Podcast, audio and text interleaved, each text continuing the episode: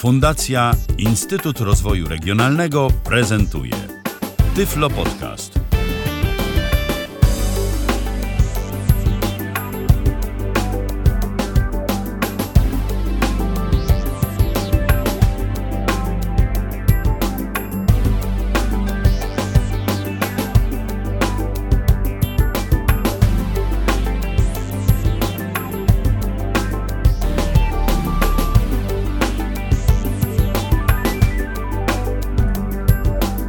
Kalendarzu mamy piątek, to ostatni, 31 dzień maja 2019 roku.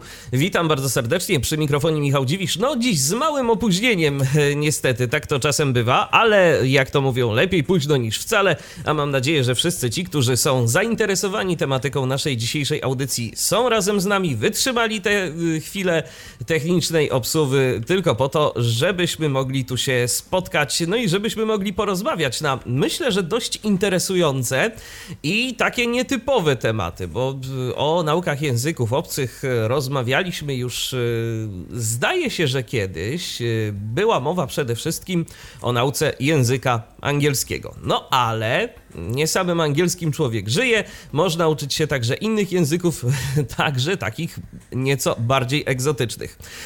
Moim gościem jest dziś Arkadiusz Świętnicki. Witaj, Arku. E, witam bardzo serdecznie wszystkich. Jak byś to po chińsku powiedział, z ciekawości? Ni hao się fa. I to znaczy, to znaczy, i to znaczy co dosłownie? Witam serdecznie. Witam serdecznie. Aha. No to rzeczywiście, powiem szczerze, z powtórzeniem tego miałbym dość duży problem. E, ale mam nadzieję, że ci wszyscy, którzy byliby zainteresowani nauką chińskiego, no nie mieliby takich problemów, e, jakie miałbym ja. Arku, powiedz mi, co właściwie cię skłoniło do tego, żeby zacząć uczyć się chińskiego? Jakie były u ciebie początki z nauką tego języka? U mnie Generalnie początki z nauką języka chińskiego wzięły się od z mojej miłości do gier audio wszelakich i zaczęło się od tego, że pojawiła się pewna chińska gra The Return of the King, w którą ja bardzo chciałem zagrać, ale przez to, że była bariera językowa, to nie mogłem pewnych rzeczy zrobić. I właśnie tak zaczęła się moja przygoda z chińskim odpowiednikiem Facebooka, czyli e, Tencent QQ. I właśnie e, zacząłem w tenże sposób rozmawiać z obywatelami Chin, zacząłem słuchać ich języka. Wiadomo, jak się człowiek czymś zaczyna interesować, to zaczyna słuchać coraz więcej. I tak słuchałem, czytałem, yy, starałem się używać coraz mniej tłumacza i doszedłem do poziomu, gdzie jestem w stanie, gdzie ro, rozumiem, powiem coś jak trzeba i jestem w stanie rozumieć ten język.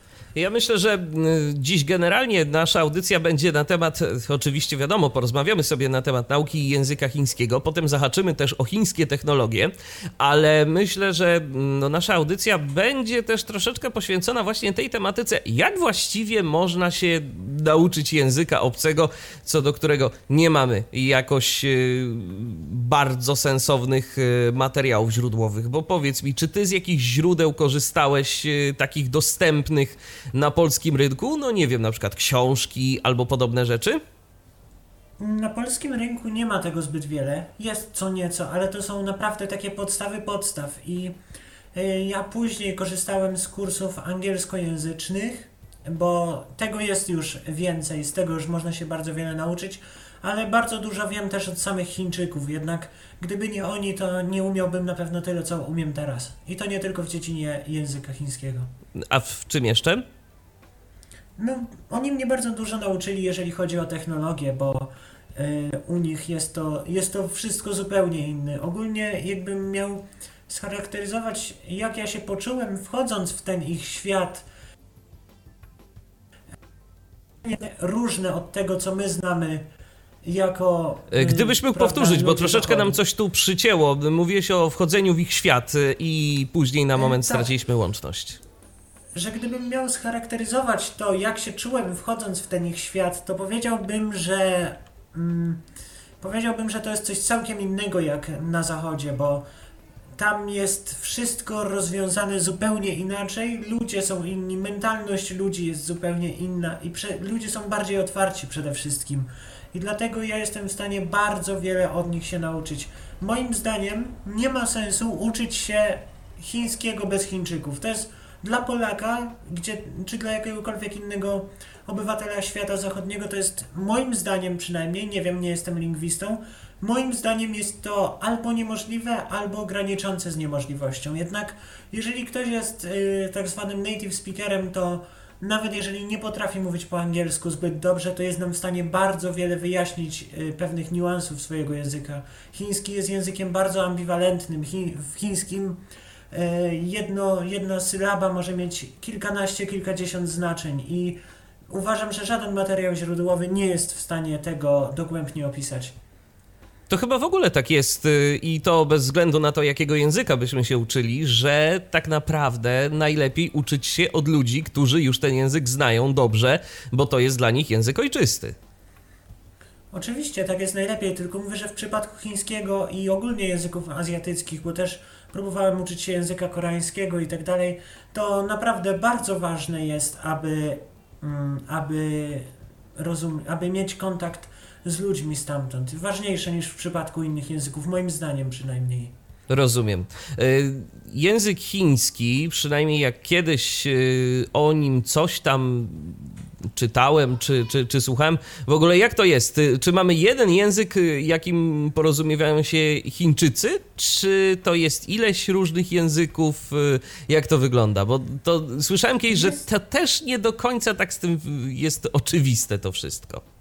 Nie do końca to jest oczywiste. W sensie język jako chiński i to jest język. I czy jest w ogóle coś takiego jest... jak język chiński? Bo to tam było chyba, że mandaryński jest, tak? Co, co, e, no coś... No właśnie o tym chciałem powiedzieć.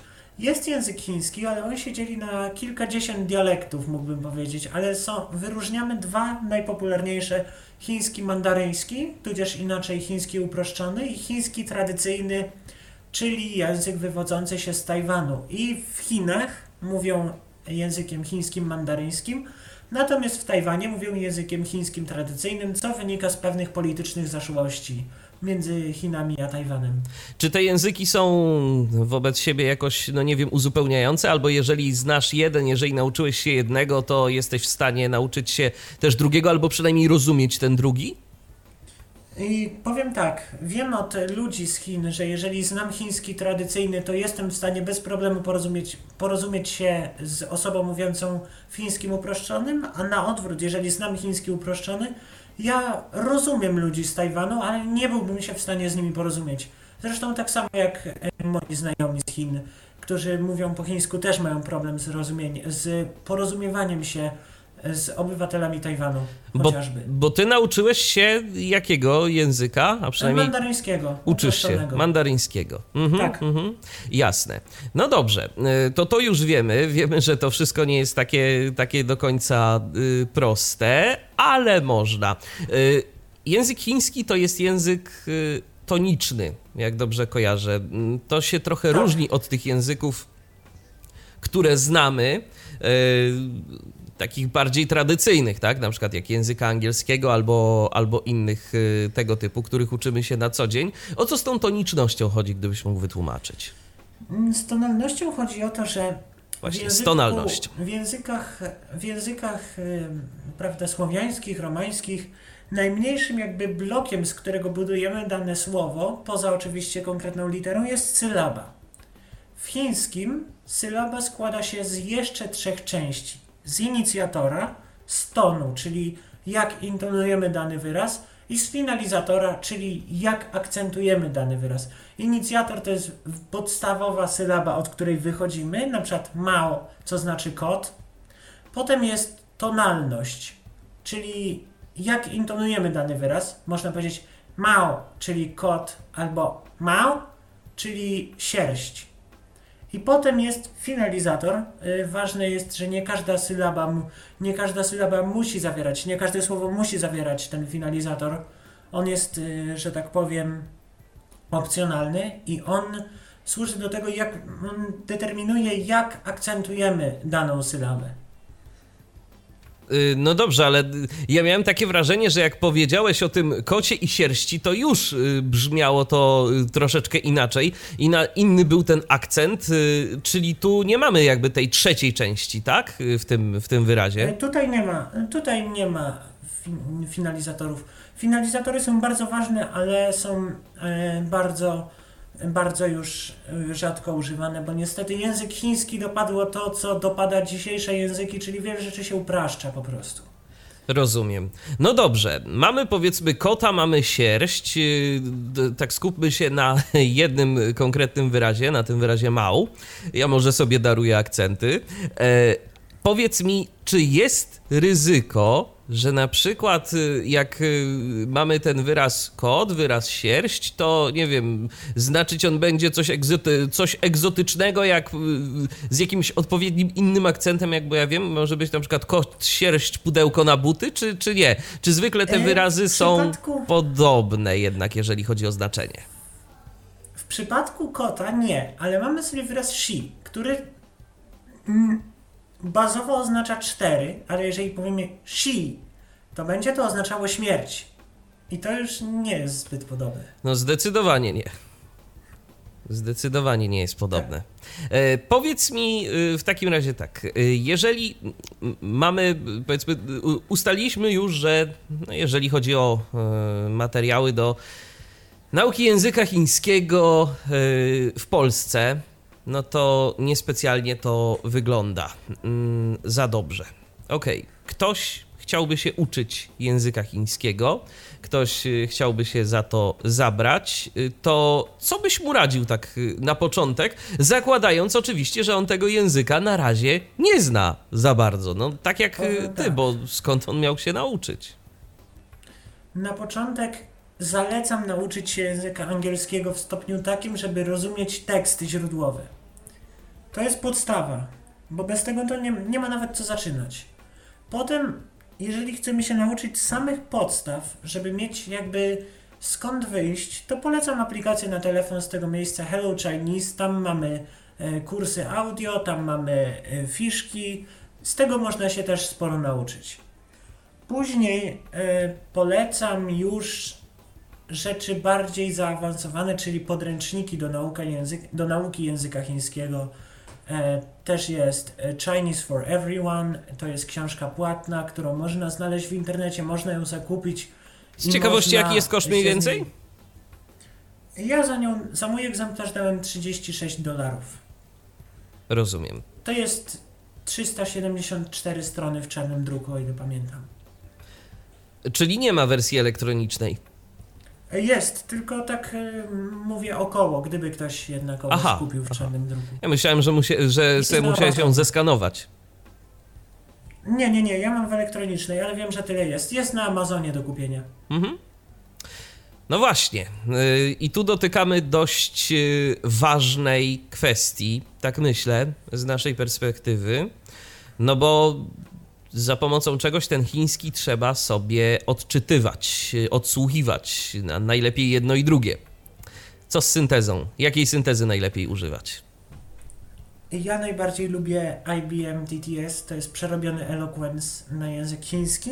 W Windowsie 10 też mamy e, pewne chińskie głosy, których nazwy wolę nie mówić, bo może ona przywodzić na myśl pewne skojarzenia, których nie chciałbym, żeby przywodziła. Więc najlepiej polecam albo właśnie IBM TTS, albo syntezator e, od Microsoftu chiński. Rozumiem. Czyli to będą y, najlepsze opcje. y, No, najlepsze dostępne dla nas, tak? Bo podejrzewam, że jakieś chińskie takie y, tworzone tam syntezatory są również i one będą jeszcze lepsze, czy nie? Czy, czy to tak do końca nie działa? Tak, powiem tak. AI Sound. AI Sound jest bardzo dobrym syntezatorem, ale on jest taki trochę. Nie powiedziałbym, że jak nasz Readboard, ale to jest taka robotyczna kobietka sobie, więc to może nie być najlepszy syntezator dla początkujących. I w sumie bardzo dobrym syntezatorem jest też Echo, e, Echo TTS, który to jest mniej robotyczny. Ja nawet mógłbym może i zaprezentować ten syntezator. No, jeżeli by ci się Tylko- udało, to czemu nie? Udałoby mi się. Tylko przestawię sobie szybko język. To ja tylko dodam, że nasza audycja jest na żywo, jeżeli słuchacie nas y, 31 maja w piątek po godzinie 19 i możecie do nas dzwonić. 123 834 835 123 834 835. E, tak właśnie jeżeli przejadę sobie na chiński tekst,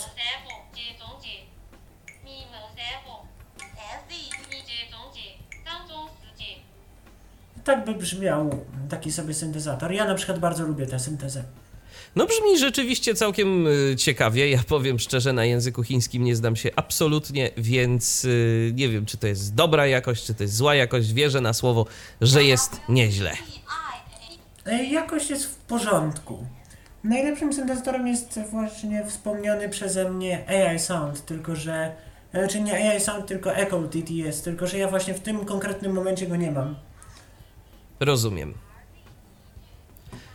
No, dobrze. To w takim razie kolejne moje pytanie co do nauki y, chińskiego. Co z Braillem? Jak to w ogóle tam wygląda? Jak, jak wygląda chiński Braille? Chiński braille wygląda tak, że Chińczycy bardzo lubią romanizować. Oni, niektórzy romanizują braille'a, ale korzystają też z braille'a tradycyjnego tak zwanego, gdzie piszemy normalnie inicjator, ton i finalizator. Czyli w przypadku tego kota piszemy akurat mm, czwarty, szósty punkt, żeby określić, że to jest, fina- że to jest inicjator. Piszemy MAO, i dwa znaki myślnika, ponieważ nie mamy ani tonu, ani finalizatora. Czyli y, w chińskim Braille'u to wszystko zapisujemy jakby fonetycznie, tak? To nie jest tak, że te kombinacje sześciu punktów, czy tam ośmiu w Braille'u komputerowym tworzą nam jakiś zupełnie całkiem nowy alfabet, czy też są tego typu modyfikacje? Jest coś takiego, jest tak zwany braille e, ale ja nie znam tego pisma. Nie, nie nauczyłem się go po prostu, nie było mi to potrzebne, ale jest. Wiem, że w dzisiejszych czasach bardzo wiele, u wielu Chińczyków romanizuje, bo jest po prostu szybciej to zapisać, szybciej to odczytać, jest mniej znaków. W takim chińskim alfabecie to też tych znaków y, jest dosyć sporo, prawda? No, w tradycyjnym ponad 2000. I tego orientujesz się, czy y, tego wszystkiego ludzie się uczą, czy jak to jest? Uczą się połowy z tego może, tak z tego co wiem, a resztę, do reszty dochodzą po prostu z czasem. No tak, bo jak ktoś ma do czynienia na co dzień z danym językiem, no to, to potem nawet jeżeli czegoś nie zna, no bo trudno pamiętać 2000 znaków, y, to prawdopodobnie może się jakoś nauczyć albo wywnioskować, że skoro jedno wygląda tak, to inne wygląda y, tak, to będzie coś podobnego, prawda? Bo to wszystko przecież chyba ma jakieś logiczne uzasadnienie jedno względem drugiego. Owszem ma. Chińska gramatyka, chiński może ma trudny alfabet, ale bardzo nadrabia jeśli chodzi o gramatykę. E, W języku chińskim, uwaga, nie mamy czasów. To jakby się ktoś, jak ktoś przychodzi z, zaraz po nauce angielskiego, to będzie ucieszony. No tak, bo tych czasów w angielskim to jest jednak sporo. No tak, a w chińskim ich nie ma w ogóle. Wszystko jakby mówimy w czasie teraźniejszym, a jakby kontekst no musimy sobie sami wywnioskować ze zdania. Rozumiem. No ale to nie jest czasem problematyczne, że na przykład yy, chcę powiedzieć, że ja idę do sklepu, a nie na przykład, że poszedłem do sklepu, yy, to trzeba zawsze dodawać Nie. jakieś, trzeba dodawać jakieś określniki, tak? Zawsze, że na przykład, nie wiem, Określniki czasu. dwie godziny Tak. temu i tak dalej, i tak dalej. Więc jeżeli powiedzmy tak. byłoby zdanie, że ja idę do sklepu dwie godziny temu, no to wiadomo, że chodzi o czas przeszły. Że... No tak, dokładnie. Rozumiem. No okej, czyli y, wiemy jak to wygląda z Braillem, wiemy jak to wygląda z y, gramatyką. Czy oprócz tego, że w języku chińskim nie ma czasów, to czegoś jeszcze tam nie ma? Nie ma odmian przez osoby. Generalnie czasowniki, znaczy mm, jest po prostu, ten język nie ma odmian, nie ma koniugacji. Generalnie jeżeli chodzi o gramatykę, to ten język jest bardzo ubogi i trzeba mm, wiele rzeczy jakby w, Polsce, w języku polskim czy angielskim byłoby to nie do pomyślenia, że trzeba by było tyle rzeczy jakby mówić, bo tutaj jest odmiana, tutaj jest wszystko, a tam trzeba wszystko opisywać, ale to nie przeszkadza w tym, żeby e, to odczytywać lub zapisywać, bo wyrazy w języku chińskim są bardzo krótkie. A właśnie, jest jedna rzecz, która y, może sprawiać trudność. W języku chińskim nie ma odstęp, nie ma spacji Wszystko piszemy jednym ciągiem. To skąd wiadomo, gdzie zaczyna się jeden wyraz, a gdzie on się kończy? No, nie wiadomo. Dlatego chińskie screenreadery w większości nie mają możliwości chodzenia po wyrazach, gdyby się ktoś zastanawiał. Dlaczego tak jest? Można tylko od znaku interpunkcyjnego do znaku interpunkcyjnego. No właśnie. A co z interpunkcją? Y, Przecinki, kropki, znaki zapytania, wykrzykniki, to co znamy y, z y, większości popularnych języków, obowiązuje? Czy ma inne zastosowanie, albo w ogóle tego nie ma? E, Jest inna interpunkcja w języku chińskim i też e, interpunkcja składa się z dwóch części, z, z inicjatora i modyfikatora. Czyli możemy krzyczeć bardzo albo możemy krzyczeć trochę mniej. To To ciekawe. też jest ciekawe. Czyli taki stopniowany wykrzyknik. E, tak, Okej, a Tak y, no właśnie, i, co, i, i, jak to, i jak to wygląda? Co mamy jeszcze? Czy mamy tylko takie, powiedzmy, rzeczy jak znak zapytania, kropka, y, wykrzyknik, czy są jeszcze jakieś, na przykład, nie wiem, inne, jakbym to nazwał, określniki emocji albo celu zdania? Nie, nie, nie. Jest y, przecinek, kropka, wykrzyknik, dwukropek, znak zapytania, a reszta symboli, plus, minus, nawiasy i tak dalej są, używają po prostu naszych, y, takich jak my. I na przykład do takiego znaku zapytania też można dodać ten y, stopień? Tak. Czyli można Tak, być zaciekawionym do- trochę albo bardzo. Tak, to do pytania i do wykrzyknienia można. Rozumiem. Ciekawy ten język chiński. Może ja niekoniecznie mam jakiś tam talent i zamiłowanie do języków, ale powiem szczerze, jest to zupełnie coś nowego i być może nasi słuchacze będą zachęceni tym, żeby gdzieś tam zgłębiać jego tajniki. Wspomniałeś o tym, że warto jednak znać angielski, czyli co, jeżeli ktoś na przykład y, nie zna żadnego języka obcego, zna tylko język polski, to język chiński na pierwszy taki język obcy to będzie jednak coś trudnego, prawda? Y, Chyba, że się ma szczęście i ma się pod ręką, w cudzysłowie, Chińczyka, który, jest, który mówi po polsku. To wtedy nie, a tak to jest bardzo trudne.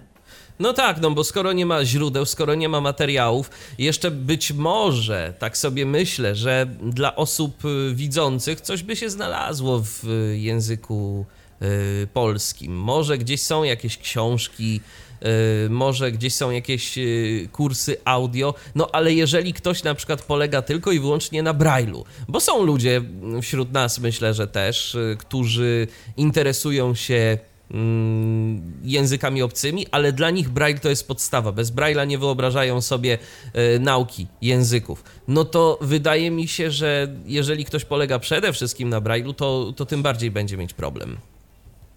Yy, tak, oj, to wtedy jest, no, jest więcej nauki, bo trzeba się Braille'a uczyć od początku, chyba że ktoś będzie romanizował. Tak jak większość Chin. W sumie, skoro większość Chin romanizuje, to dlaczego yy, my też mamy nie romanizować? Ale ja uważam, że jeżeli uczymy się języka dla przyjemności, to uczmy się go w jego pełni, a nie w jego uproszczonej wersji. No tak, ale z drugiej strony wspomniałeś o tym, że ty też nie uczyłeś się y, chińskiego Braille'a takiego typowego, więc to, więc to też nie, Nie. będzie, więc to też nie będzie chyba aż taki wielki problem, tak? Nie, to problem nie jest, tylko w moim przypadku najpierw była potrzeba, a potem się zrodziła miłość do języka. Dlatego tak w moim przypadku było. Czyli gdybyś ty chciał się tak metodycznie uczyć, to jednak zacząłbyś od tego Braille'a, tak? Żebyś poznał tam tę mm, składnię całą chińskiego Braille'a, tak, która to pewnie czas, jest jakaś... tak zrobił. Mhm. Która pewnie jest właśnie, y, czy tam też mamy 6 i 8 punktowego Braille'a i podobnie jak w przypadku tradycyjnych y, zapisów punktowych 6 punktów no to jest podstawa, a 8 punktów to są jakieś dodatkowe rzeczy, czy dlatego, że w języku chińskim jednak jest y, w tym tradycyjnym takim alfabecie, tak jak wspomniałeś, ponad y, 2000 znaków, to one jakoś mają swoje odzwierciedlenie w Braille'u ośmiopunktowym. E, W ośmiu punkcie. Oni w większości korzystają z ośmiu punktu. U nich ośmiopunkt był jeszcze wcześniej jak u nas, taka prawda. U nich były tabliczki z ośmiu punktem już w latach sześć- 70. Mhm. Jakoś tak. No to rzeczywiście, no tak też przypuszczałem, bo trochę ciężko by było aż tyle znaków zapisać za pomocą sześciu punktów. Mhm. Y, Czy coś jeszcze a propos nauki samego języka arku? Czy coś mógłbyś y, naszym słuchaczom jeszcze polecić? Jak w ogóle potem, y, załóżmy, że tak, załóżmy, że znamy język chiński. O, o to jeszcze chciałbym zapytać. Przepraszam, nie język chiński, tylko język angielski. Znamy język angielski, mamy już jakieś tam podstawy. Gdzie szukać kontaktu z native'ami chińskimi? Najlepiej na Kuku. Kuku to jest świetne miejsce. Można tam poznać naprawdę ciekawych ludzi, jeżeli e, no tylko chcemy i jesteśmy, że tak powiem, w porządku. I wiemy o co się nie pytać Chińczyków, bo są rzeczy, o których z Chińczykami się nie rozmawia.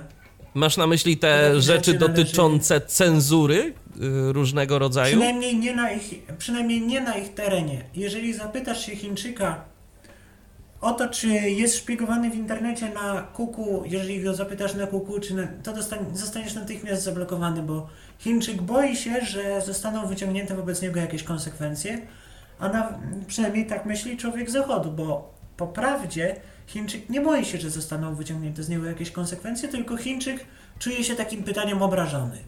Taka jest prawda. Aha. No to zupełnie inna mentalność jest, tak? Oni zupełnie inaczej postrzegają to, że, że tam są jakieś mechanizmy kontroli i tak dalej. O tym sobie zresztą też myślę powiemy trochę, bo to jest, bo to jest ciekawe.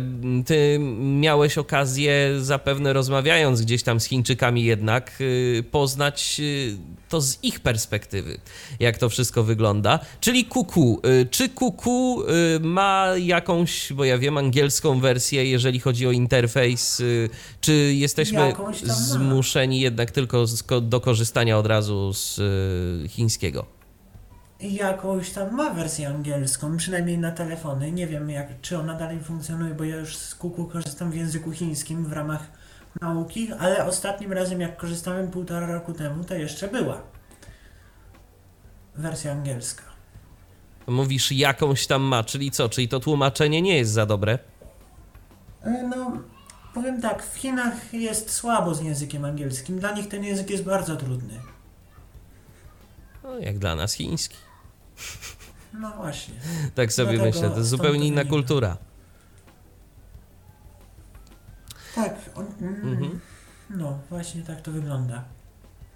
No dobrze, i tak powoli myślę, że przechodzimy już do e, samej kultury e, i technologii chińskiej. Mm, No właśnie, jak to jest? Już trochę myślę, że słuchacze Tyflo Podcastu zdążyli poznać, e, jeżeli chodzi o mm, chińską technologię, chociażby mm, prezentowany przez ciebie czytnik ekranu e, na e, telefony komórkowe z Androidem, na smartfony.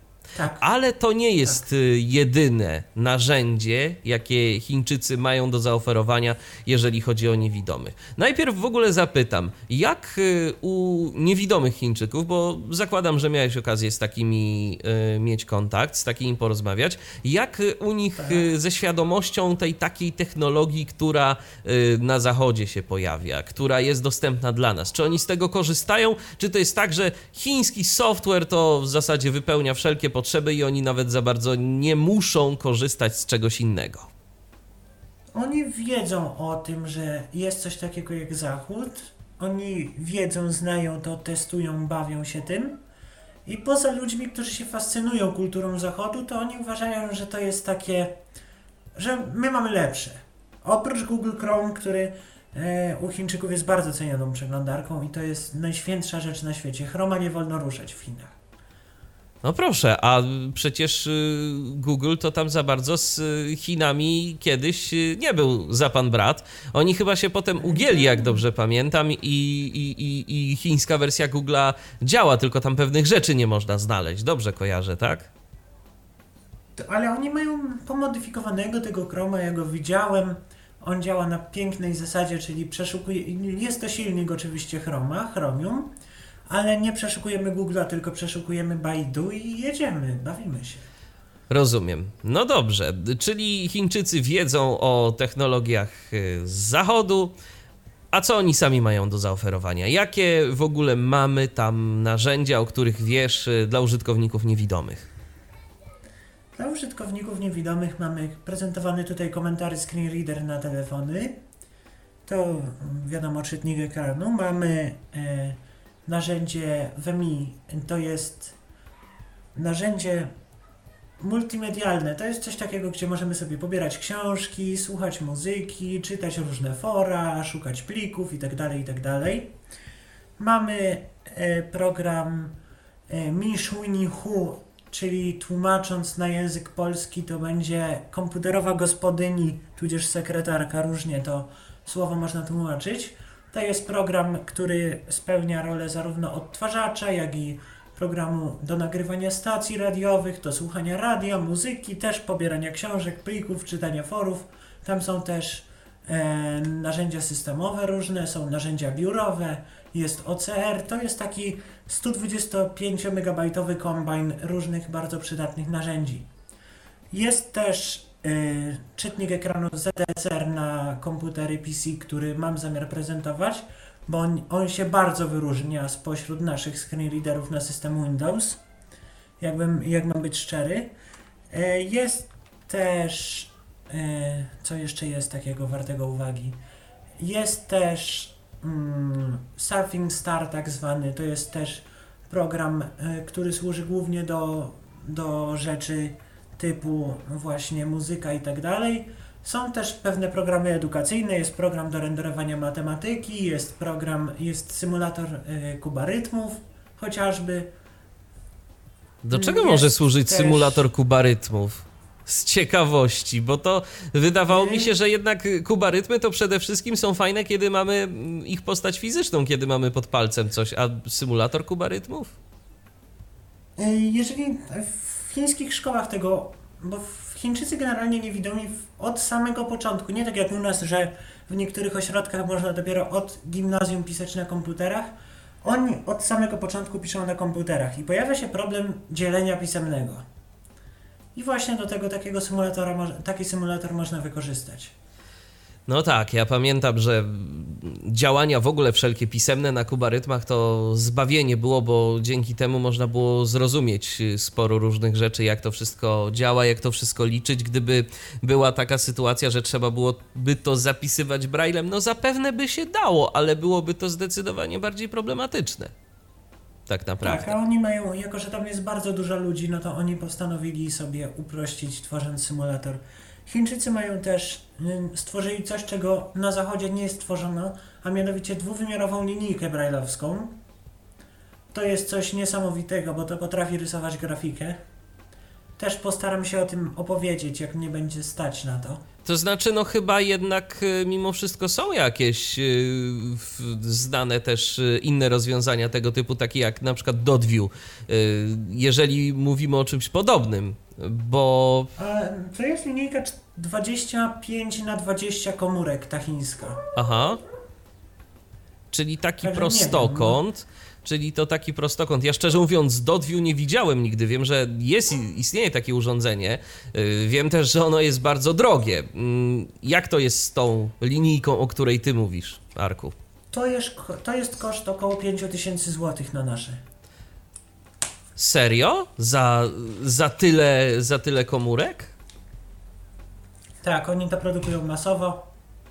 Jak dla nich to jest bardzo drogo, dla Chińczyków niewidomych, ale jest, można sobie kupić. Tylko jest bardzo duży problem ze sprowadzeniem tego poza Chiny. Ja bym się tego nie podjął jeszcze. A dlaczego to jest y, problem? Jakieś kwestie prawne? W Chinach jest mm, problem, jeżeli chodzi o przewożenie urządzeń elektrycznych, które zawierają więcej niż 120 indywidualnych komponentów. A linijka zawiera 120 komponentów, bo uwaga, każdy, każda komórka jest liczona jako jeden komponent według chińskiego prawa. A, w ten sposób. No, ale to, czyli jak rozumiem, takie na przykład różnego rodzaju urządzenia elektroniczne, które sobie sprowadzamy z Chin, y, to bardzo często po prostu zawierają mniej tych komponentów, tak? Za- zawierają mniej komponentów, albo, tak jak AliExpress bardzo często stosuje taką praktykę, z Chin wysyłane jest to do Tajwanu, gdzie nie ma już tego limitu, a z Chin do Tajwanu można to wysłać, i dopiero potem z Tajwanu idzie to tam, gdzie ma iść. A, w ten To sposób jest sobie. bardzo popularne. Mhm. Chyba, że się ma licencję handlową, którą jest. Nie jest ją trudno zdobyć, ale jest bardzo dużo obostrzeń, wymagań i tak dalej, więc wolałem się w to nie bawić. Przezorny zawsze, zawsze ubezpieczony. Rozumiem. E, A czy ta chińska linijka, bo to mnie zainteresowało, ta 20 na 25 znaków, z czym ona działa? Pewnie tylko z chińskim czytnikiem ekranu, tak? Z ZDSR, z Sunshine'em i jest jakiś nieśmiały port dla NVDA, który w Chinach też jest tam. Jakieś 2% niewidomej populacji z niego korzysta. Mhm, jasne. To skoro tak przeszliśmy do sprzętu, mm, bo myślę, że o programowaniu sobie porozmawiamy jeszcze za chwileczkę, ale skoro już zahaczyłeś o sprzęt, sprzęt to jest zawsze taka bardziej mm, interesująca, myślę, sprawa, bo, bo tego można sobie dotknąć, można mm, się gdzieś tam tym pobawić. Wspomniałeś o linijce. Czy jeszcze jakiś taki sprzęt y, wyspecjalizowany, który funkcjonuje w Chinach, a którego na przykład nie ma, albo który jest bardzo trudno dostępny u nas? Y, Czy coś takiego istnieje? Chinach jest bardzo wielu masażystów i tam mają bardzo rozwinięty sprzęt, jeśli chodzi o masaż, czyli te wszystkie, no nie znam się na tym, więc powiem tylko to, co słyszałem. Siłą rzeczy te wszystkie maszyny do masażu są bardzo dostępne. Nawet jeżeli jest ekran dotykowych, to oni mają takie mini screen readery na te maszyny do masażu, więc oni też to są w stanie obsłużyć wszystko. Yy, Co jeszcze? Gadający mikser. O, w sensie nie mikser taki yy, robot kuchenny, tylko mikser audio. O, Też to u nich mówi. to rzeczywiście interesujące.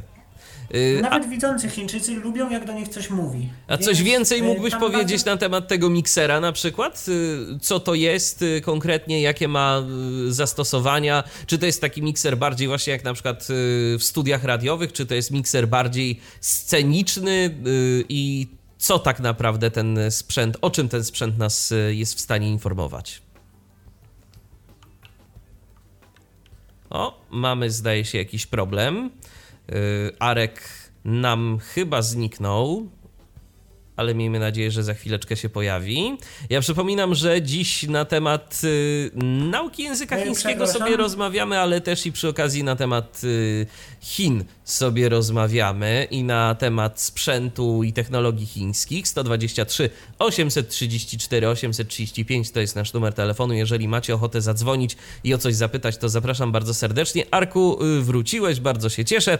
Y, Pytałem, czy coś więcej mógłbyś powiedzieć na temat tego chińskiego y, miksera mówiącego. Co to jest za sprzęt? To jest jakaś chińska marka, ale jako, że ja się po prostu nie znam na tej branży, właśnie tutaj chcę o czymś od razu powiedzieć. Chciałem nagrać wywiad z kolegą właśnie na temat tego miksera, bo on się tym zajmuje profesjonalnie, że tak powiem, ale on y, no nie miał czasu, więc nie mogłem. Ale wiem, że to jest, że to mówi tam o tych wyjściach, wejściach, wzmocnieniach, kompresorach i tak dalej, bo on mi to kiedyś pokazywał, no i tyle mogę na ten temat powiedzieć. Czyli to jest taka bardziej y, konsoleta, bardziej taki mikser, który wykorzystamy w studiu nagraniowym niż na przykład y, taki typowy mikser do radia, tak? Bo to jednak te sprzęty Tak, się tak, różnią. tak. Mhm. A ciekawe swoją drogą, Y, czy mam- jest jakiś taki mikser radiowy, powiedziałbym tak. Czy to jest jakaś grupa mikserów, czy na przykład tylko jeden taki sprzęt został gdzieś tam opracowany i tyle. Mogę się go dopytać, bo to w sumie też jest ciekawe. Chińczycy mają też coś takiego jak nasz Pearl y, kamera, z tym, że to jest mniejsze i to ma jedno konkretne zastosowanie, a mianowicie mm, pomoc w działaniu z rzeczami tak bardzo przyjemnymi jak na przykład BIOS komputera. Działa to w taki sposób, że stawiamy to przed monitorem, wchodzimy sobie w BIOSa i w momencie, kiedy chodzimy strzałkami, kiedy kursor zmienia kolor, kiedy element zmienia kolor, się podświetla, to y, ta kamera nam mówi na czym, co widzi jakby pod tym podświetleniem. Bardzo przydatna rzecz. No, to prawda, bo to mogłoby zdecydowanie pomóc y, w rozwiązywaniu różnego rodzaju problemów. Y, Ale właśnie, znowu, jak rozumiem, to działa tylko i wyłącznie z chińskim językiem, tak? Mój kolega tak, bo ja się go o to pytałem i on mówi, że teoretycznie istnieje możliwość wgrania tam angielskiej paczki OCR, ale on na swoim egzemplarzu bał się trochę tego testować, więc no nie wiemy dokładnie. Bo jak rozumiem, BIOSy komputerów y, w Chinach są zazwyczaj chińskie, po chińsku. BIOSy w komputerach chińskich w dzisiejszych czasach mają już konfiguratory pod Windowsa w większości. No tak, bo teraz mamy to całe UEFI, tak? Które. Tak, ale u nich UEFI gada, oni mają nawet jakiś screen reader pod swoje konkretne jakieś tam UEFI, ale nie wiem jak to działa też. No, to rzeczywiście imponujące. U mnie, ja, ja się zetknąłem tylko kiedyś, kiedyś, dawno, dawno temu z takim biosem, z takim przejawem mówiącego biosa, który był w stanie wydać z siebie taki komunikat głosowy, że power on self-test complete. I tyle. I niestety nic więcej. Była nawet jakaś linijka brajlowska, która potrafiła y, komunikować się z BIOSem jako taka ciekawostka już poza wszystkim. A tak, to kiedyś też o tym słyszałem. To prawda, to prawda. No dobrze. e, To mamy kolejny, kolejny element, kolejny sprzęt. Y, Czy coś jeszcze takiego interesującego ze sprzętu? Czy coś jeszcze interesującego ze sprzętu? No chyba nie w sumie. Mhm. No też, Teraz tak mi nic nie przychodzi też do wiadomo, też wiadomo, że no, ty, Arku, jeszcze w Chinach nie byłeś nigdy. Nie, jeszcze nie niestety. Więc te wszystkie informacje, które masz, no to masz niejako z drugiej ręki, tak? Masz y, je od ludzi, którzy coś ci opowiedzieli, którzy chcieli się podzielić y, swoją jakąś tam wiedzą, swoimi zainteresowaniami, natomiast no, na razie jeszcze nie miałeś okazji tego wszystkiego sprawdzić. Ale jak rozumiem, chęci są. Oczywiście i przygotowania też, działania. Także jak będę już tam, to oczywiście nie omieszkam czegoś ciekawego do zaprezentowania w Tyfloradiu przywieźć. A kiedy masz takie plany, żeby się wybrać? Nie wiem, no jak najszybciej, no zobaczymy jak to się ułoży wszystko. Mhm. W ogóle jakaś taka bardzo mm, skomplikowana jest y, logistyka związana z wyprawą do Chin? Nie, wystarczy tylko sobie wizę turystyczną załatwić i jak się ma osoby, którym, które mogą po prostu podpisać papier, że mnie znają, to jest jeszcze łatwiej. Po prostu mm, dzwonię do ambasady, powołuję się na człowieka o takim i takim imieniu i nazwisku. Na niego przychodzi zapytanie, czy mnie zna, skąd mnie zna, dlaczego chce, żebym pojechał do tych Chin. On wypełnia taką ankietę, ja dostaję wizę albo jej nie dostaję i jadę. Mhm, rozumiem. Kosztowna jest taka podróż z ciekawości? Mm, Sama wiza nie. Sama wiza to jest koszt około 200 zł. A bilety lotnicze, oj, to zależy. Ja widziałem przeróżne ceny. Widziałem za 800 zł, a widziałem za parę tysięcy złotych. No tak, zapewne zależy od przewoźnika, zapewne zależy też od y, tego, mm, czy jakieś przesiadki, czy wygodniej będziemy lecieć, czy mniej wygodnie. No to różne są, różne są sytuacje y, i różne czynniki, mm, na jakie składa się cena takiego biletu lotniczego. Dobrze, e, to w takim razie teraz o oprogramowaniu może coś powiedzmy. Powiedziałeś już e, o kilku mm, programach, które są dostępne dla niewidomych e, chińskich użytkowników. Mamy między innymi czytnik ekranu dla Windowsa, bo jeżeli ktoś jest zainteresowany czytnikiem ekranu dla smartfonów, no to wiadomo, to, to, to może sobie posłuchać audycji o komentary Screen Reader, a mamy też y, chiński czytnik ekranu dla systemu Windows. Jak on się nazywa, może przypomnij? E, ZTSR, czyli Chengdu Screen Reader, e, a właściwie to mm, Chengdu Screen Reader to jest jego angielska nazwa, a Chengdu Van Hong Screen Reader to jest jego pełna nazwa. Chengdu Van Hong znaczy walczmy o dostępność, mniej więcej. E, I tak właśnie właściwie to mamy trzy czytniki ekranu na chińskie. Mamy jeszcze Sunshine, którego jeszcze bardzo nie testowałem, ale też mam zamiar. I mamy legendarny wśród Chińczyków Wangyongt, który już niestety nie jest rozwijany, ale ludzie podobno siedzą na Windowsie 7 tylko dlatego, że ten czytnik ma jakieś pewne legendarne funkcje, ale nie wiem, nie mam jak, jak tego przetestować, więc o tym czytniku akurat nie opowiem. O ZDSR-ze mogę powiedzieć najwięcej, bo mam jego legalną wersję. Więc Tak jeszcze zapytam, Sunshine to jest czytnik ekranu dla Windowsa. Również. Tak, Mhm. również. Jasne. Y, czy one, te czytniki ekranu, mają wobec siebie jakieś takie różne y, funkcje, które je uzupełniają, że tak jak w przypadku JOSa i NVDA, warto mieć y, oba czytniki jednak mimo wszystko, jeżeli ktoś się decyduje na y, zakup JOSa, bo to, bo to też już coraz mniej osób jednak z tego czytnika ekranu korzysta, ale nie da się ukryć, że JOS ma takie różne funkcje, jakie przydatne są w pracy, szczególnie z jakimiś zaawansowanymi dokumentami y, wordowskimi i podobne kwestie, a z kolei na przykład NVDA no, ma bardzo fajnie działające narzędzie do pracy zdalnej, więc to wszystko się poniekąd uzupełnia, warto mieć jedno i drugie. A jak jest w przypadku czytników y, chińskich? Tam jest tak, że tam ta przepaść jest mniejsza między JOSem a NVDA, już nie wchodząc w szczegóły co i jak. E, Tam generalnie jest tak, że te czytniki różnią się nieco filozofią. Sunshine jest dla osób mniej zaawansowanych, więc Sunshine siłą rzeczy ma mniej funkcji i twórcy się nie kryją z tym na stronie. Oni to ma wiadomo jakąś tam OCR-y, wsparcie dla Visual Studio podstawowe, ale to jest dla osób generalnie takich mniej obeznanych z komputerem, a natomiast ZDSR jest dla osób bardziej zaawansowanych, ma funkcje bardziej zaawansowane, a, i, ale jest też trudniejszy w obsłudze, wiadomo. No tak, pewnie więcej skrótów, których się trzeba nauczyć y, i jakieś dodatkowe różne rzeczy, które można pozmieniać, ale też można dzięki nimi sobie namieszać w konfiguracji tego czytnika. No właśnie, o to chodzi. Jasna sprawa. No to dobrze, to gdybyś tak mógł pokrótce powiedzieć, co potrafi Shengdu, no bo ten czytnik ekranu jednak mimo wszystko y, znasz najlepiej i również o nim swego czasu będzie w Tyflo E, Podcaście. tak, o, o Shengdu będzie, tylko z powodów technicznych nie mogę mm, o nim zrobić audycji. Shengdu posiada bardzo rozbudowane funkcje i bardzo rozbudowany język skryptowy. Powiedziałbym, że ośmieliłbym się stwierdzić, że jeszcze bardziej rozbudowany jak JOSowski. Możemy też bez umiejętności programowania bardzo sobie życie ułatwić. Możemy robić tak zwane e, hot points, czyli mm, obszary ekranu, które są automatycznie czytane przez screen reader.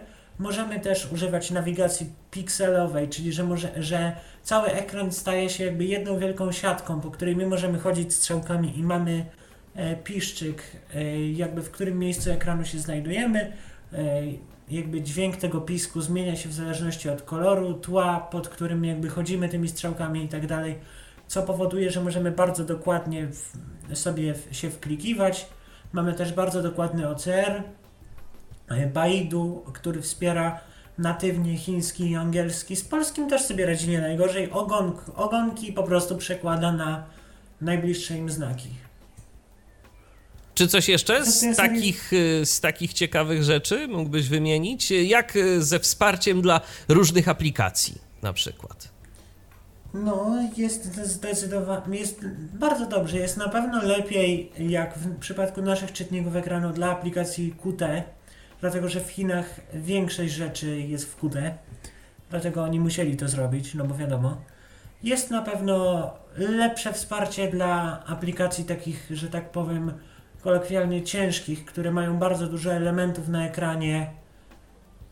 E, To też jest wsparcie. Mógłbyś podać Jest przykład wspar- y, takich ciężkich aplikacji? Przykład ciężkich aplikacji Visual Studio chociażby. Mhm, czyli coś dla Czy programistów. Macrium, Macrium Reflect, program do kopii zapasowej, czy akronim, y, Acronis, przepraszam, Acronis Disk Image, jakoś tak to się nazywa. To też udało mi się obsłużyć tylko z JOSem, z Shengdu i z Sunshine'em. Z NVDA nie działa. Mm, albo ja nie umiem, może też tak być. Mhm, rozumiem. No dobrze, y, a jak ze wsparciem dla syntez mowy czy dla linijek brajlowskich? E, Shengdu od wersji 9.8.02, która wyjdzie w lipcu tego roku, będzie posiadało wsparcie e, dla linijek brailleowskich takich samych, jakie wspiera BRL TTY. bo takie wsparcie postanowiliśmy zaimplementować, bo ja staram się jakby rozkręcić dystrybucję może od przyszłego roku Shengdu na poza Chiny, ale to może.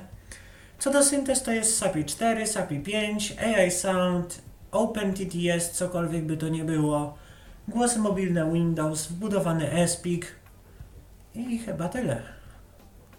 E, Vocalizer jeszcze. mhm. Osobno płatny, jak rozumiem.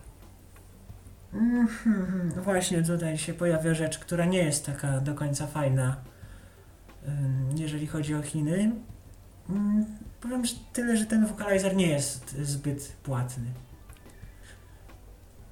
Mm, Czyli, Tak, czyli, ktoś, pytał. czyli ktoś go sobie po prostu najzwyczajniej w świecie, bez jakichś tam specjalnie poszanowania praw autorskich, podprowadził.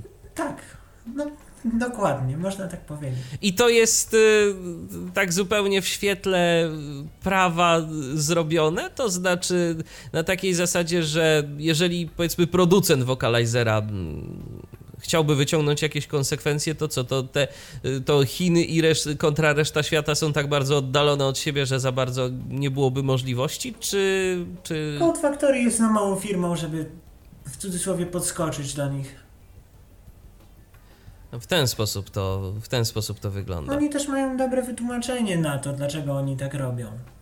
I twórca, główny, jeden z głównych deweloperów ZDSR jest moim dobrym znajomym i on mi mówił, że oni chcieli kupić e, licencję do Vocalizera, ale ta licencja była po prostu tak droga.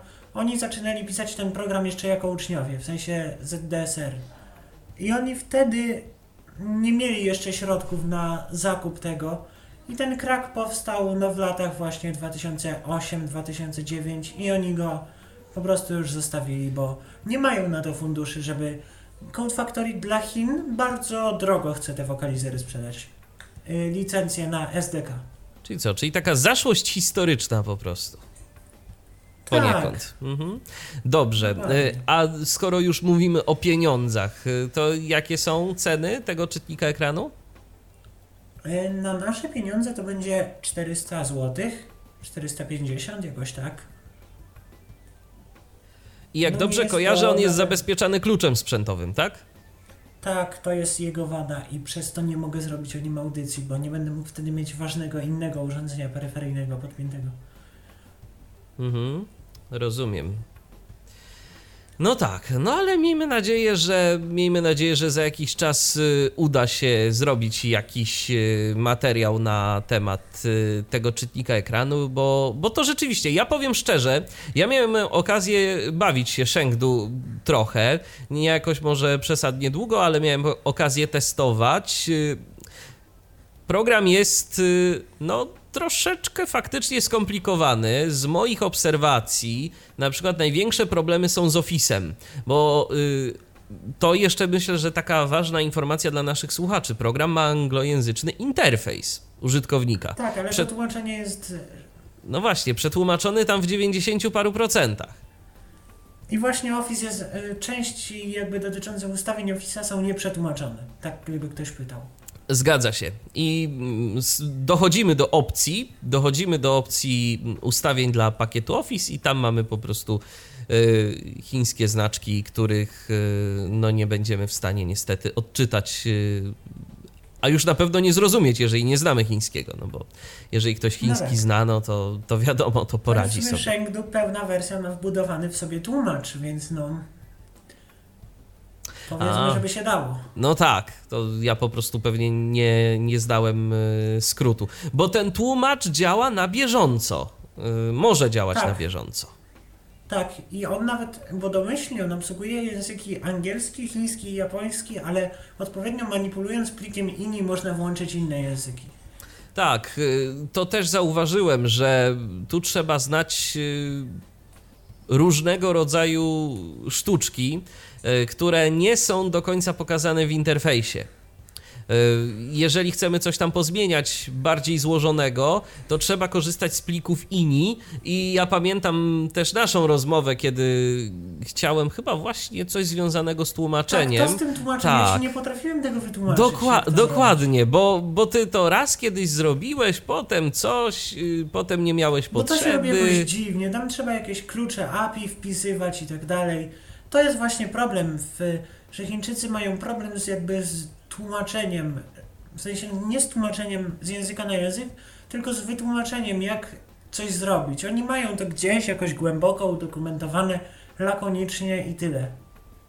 No tak, a potem jak wytłumaczyć to komuś, kto nie zna języka chińskiego, już w ogóle, i na przykład jeszcze tłumaczy się to za pomocą jakiegoś translatora, bo jak wspomniałeś, angielski język to nie jest język, który Chińczycy jakoś wybitnie znają, są z tym problemy. Mm, tak, mhm, są. No właśnie, no to, to zaczyna się pojawiać dość spora bariera. I też, no niestety, tak trochę jest, że mimo tego, że technologicznie to tam mogą być naprawdę fajne rozwiązania, to przez tę barierę i jeżeli nie ma ludzi, którzy chcieliby stanowić jakiś taki pomost y, pomiędzy Chinami a resztą świata, która porozumiewa się przede wszystkim jednak w języku angielskim, y, to te technologie poza Chiny nie wyjdą. Y, No bo jak? Muszą być zapaleńcy, którzy będą chcieli to wszystko jakoś tłumaczyć. Ja próbowałem co nieco u, uzachodnić, że tak powiem. I podejrzewam, że z komentarzem mi się w miarę udało. No tak, Ale audycja. to jest wierzchołek góry lodowej. Tak, audycja jest Ja y, mam- w Tyflo Podcaście, pobrań ma, pobrań ma sporo. Y, Też myślę, że gdybyś zrobił na przykład tę audycję jeszcze w jakimś angielskim podcaście, to mogłoby mieć to dość spory oddźwięk, bo użytkownicy Androida no to jednak właśnie- lubią testować. Mam jeszcze kilka programów, które tłumaczę w tym momencie chińskie. Właśnie wspomniane WMI, wspomnianą sekretarkę. Dlatego, no, premier z Chin możemy się spodziewać wielu. No dobrze, to teraz jeszcze y, o programach może przez y, chwilkę porozmawiajmy, bo wspomniałeś właśnie, że są takie różne narzędzia, różne programy, które są używane przez y, Chińczyków. y, mm, Takie powiedziałbym multimedialne bardzo, bo te dwa programy wymienione przez ciebie tak naprawdę pełnią funkcje podobne i one są programami multimedialnymi. A jakieś różne. Tak, z tym, że WMI jest Mhm. Tylko mu- multimedialne, a sekretarka jest programem wielonarzędziowym. To jakie mamy na przykład w tej sekretarce narzędzia jeszcze oprócz y, multimediów? Mamy y, zarządzanie siecią, może, mamy taki jakby mini Wireshark wbudowany w to, czyli możemy sprawdzać, gdzie idą pakiety, skąd idą, dokąd idą, na jakich portach i tak dalej. No mamy taki monitor sieciowy, mamy jakieś tam narzędzia dyskowe, mamy y, jakieś rzeczy typu, że możemy sobie chować okna, do, jakby program dodaje wsparcie do chowania okien programów, które domyślnie nie potrafią się chować do czasownika, to on może je chować. Takie dość przydatne rzeczy uważam. Ma tam jakiś edytor tekstów sobie, Mhm. szyfrowanie, deszyfrowanie plików. No to rzeczywiście takie. Coś jak ABI Fine Reader. I to są darmowe programy, tak? Czy są płatne?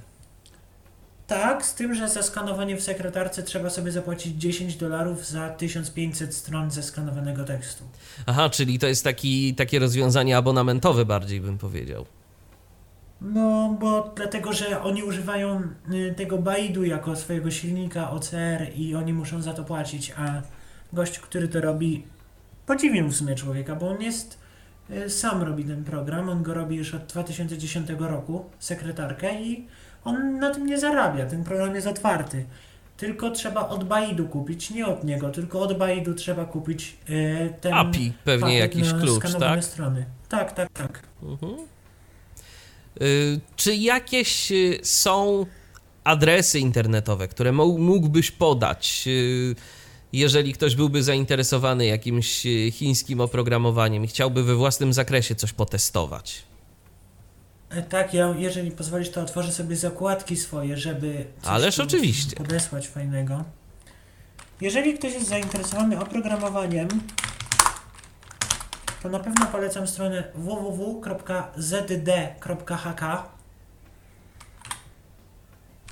I co to jest za oprogramowanie? Stronę, Co tam to jest na tej stronie? Aha, chińskie. Głównie forum to jest o Shengdu, ale o wielu innych programach też jest.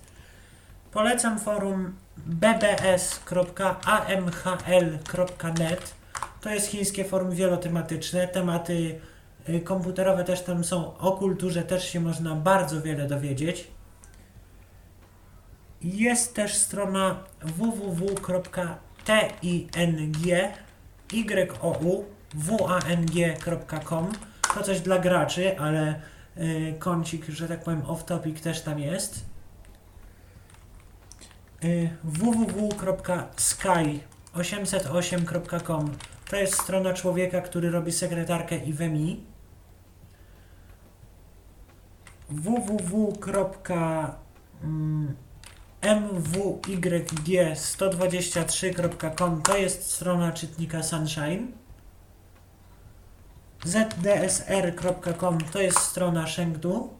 Ja mówię o tych stronach dlatego, że na tych stronach znajdziemy odnośniki do bardzo wielu innych chińskich stron, które mogą być y, przydatne. Tam Czyli- oni, czyli w Tam nie chińskim internecie takiego, jest cały oni- czas ta taka y, lubość do linkowania, bo kiedyś pamiętam, że na naszych własnych stronach internetowych, jak stawialiśmy y, swoje pierwsze witryny gdzieś tam, to, to często był tak, była taka sekcja linki, ciekawe odsyłacze, oni z tego korzystają nadal. Tak, bo u nich nie ma czegoś takiego, że my jesteśmy lepsi, a wy jesteście do niczego. Na stronie ZDSR znajdziemy odnośnik do Sunshine'a i na odwrót również. A to akurat bardzo miłe. Tak. Jeszcze dalej będę wymieniał strony, na czym ja tu skończyłem. A, jeszcze tak. JIESHUO666.com To jest strona komentarzy Screen Readera, gdzie znajdziemy też dużo informacji o apl- aplikacjach na Androida. Jeszcze tak już dla ciekawości sc198.com to jest strona, kolejna strona dla graczy, ale też jest tam pewien program, który ciekawie się zapowiada, AIP, o nim też zamierzam kiedyś coś nagrać. A cóż to, jest sieć takiego? społecznościowa, Aha, głównie sieć społecznościowa. Co tam jeszcze? Czy ja znam jeszcze jakieś chińskie przydatne strony? Yy, No i oczywiście nie mógłbym zapomnieć o im.kuku.com. No tak, czyli o tym najpopularniejszym chińskim komunikatorze, który wielu użytkowników ma i można sobie Tak. za jego pomocą różnego Jeszcze rodzaju znajomości nawiązywać. ciekawych grup na kuku. Grupy na kuku też to jest bardzo interesująca rzecz. Znam ich sporo, ale o nich opowiem. Jeżeli by się ktoś ze mną chciał skontaktować na kuku, to mój numer tamtejszy to jest 27 34 51 36 8. Okej. 2734 513 668, przepraszam. To może Ja powtórz jeszcze raz, tak dla pewności. kompletnego. 2734 513 668. Numer dość długi, to też świadczy o tym, ilu użytkowników ma Kuku. No tak. No dobrze, Arku, to w takim razie ja bym Cię chciał zapytać teraz jeszcze, tak już zahaczy, zahaczyliśmy troszeczkę o ten temat wcześniej, mianowicie o ten temat y, chińskiego internetu. Jak to, jak to wygląda? Bo no my korzystamy z Google'a. To jest y, jako wyszukiwarki. To jest największy serwis, y, za pomocą którego czy my w Polsce, czy, czy, czy w Europie, czy, czy też w Stanach Zjednoczonych y, wyszukujemy różnego rodzaju informacje. Poczta, no to wiadomo, Gmail, tak? Jeżeli y, korzystamy z maila. Zazwyczaj oczywiście, wiadomo, można mieć coś swojego albo skorzystać z maila u kogoś innego, ale zazwyczaj jest to Gmail. Y, no, Rosjanie mają ewentualnie jakiegoś swojego Yandexa, tak? Ale społecznościowo, no to większość ludzi używa Facebooka. E, A jak to jest w Chinach? Czy Chińczycy mają taki jakby swój internet z ewentualnym wyjściem na świat, czy korzystają jednak z zagranicznych Tak. serwisów? Oni mają tak, wyszukiwarka Baidu, dysk też Baidu, swoją drogą można dostać 2 terabajty na Baidu za darmo. Bardzo ciekawa rzecz, swoją drogą. Coś trzeba konkretnego E, zrobić, żeby te mail- 2 terabajty dostać, czy to tak po prostu po Rejestrujemy rejestracji? konto, rejestrujemy konto i musimy zainstalować aplikację na telefon, wrzucić z telefonu jakikolwiek plik, usunąć aplikację z telefonu, jak chcemy jej nie mieć i mamy 2 terabajty. Dostęp po FTP też mamy. O, to się trzeba będzie zainteresować w takim razie. I to na zawsze jest to konto, jak rozumiem. E, tak, tak, tak. Co? Wyszukiwarkę Baidu, maile mają na kuku w większości, bo nasz numer kuku to jest też nasz adres e-mail, także można też do mnie pisać pod adresem 27345136668 małpakuku.com i większość Chińczyków używa tych adresów. No to tak, pliki też udostępniają sobie na Baidu, także można powiedzieć, że oni mają swój internet z ewentualnym wyjściem na świat, z tym, że e, chiński internet i ogólnie Chiny są bardzo demonizowane przez Zachód. Zdecydowanie za bardzo. Ich nie ma co tak demonizować. No właśnie, jak to jest z tą cenzurą? Jak to jest z tą cenzurą? Czy miałeś okazję z kimś tak szczerze porozmawiać? Jak oni to na co dzień odczuwają? Y, Ja mówię o takim, wiesz, przeciętnym Chińczyku, nie o jakimś bojowniku o demokrację, bo wiadomo, że opozycja to będzie zawsze podnosiła alarm, że no różne rzeczy się tam dzieją, także cenzura, no ale u nas też przecież opozycja różne rzeczy mówi, jedne słuszne, inne nie, no ale po to jest opozycja.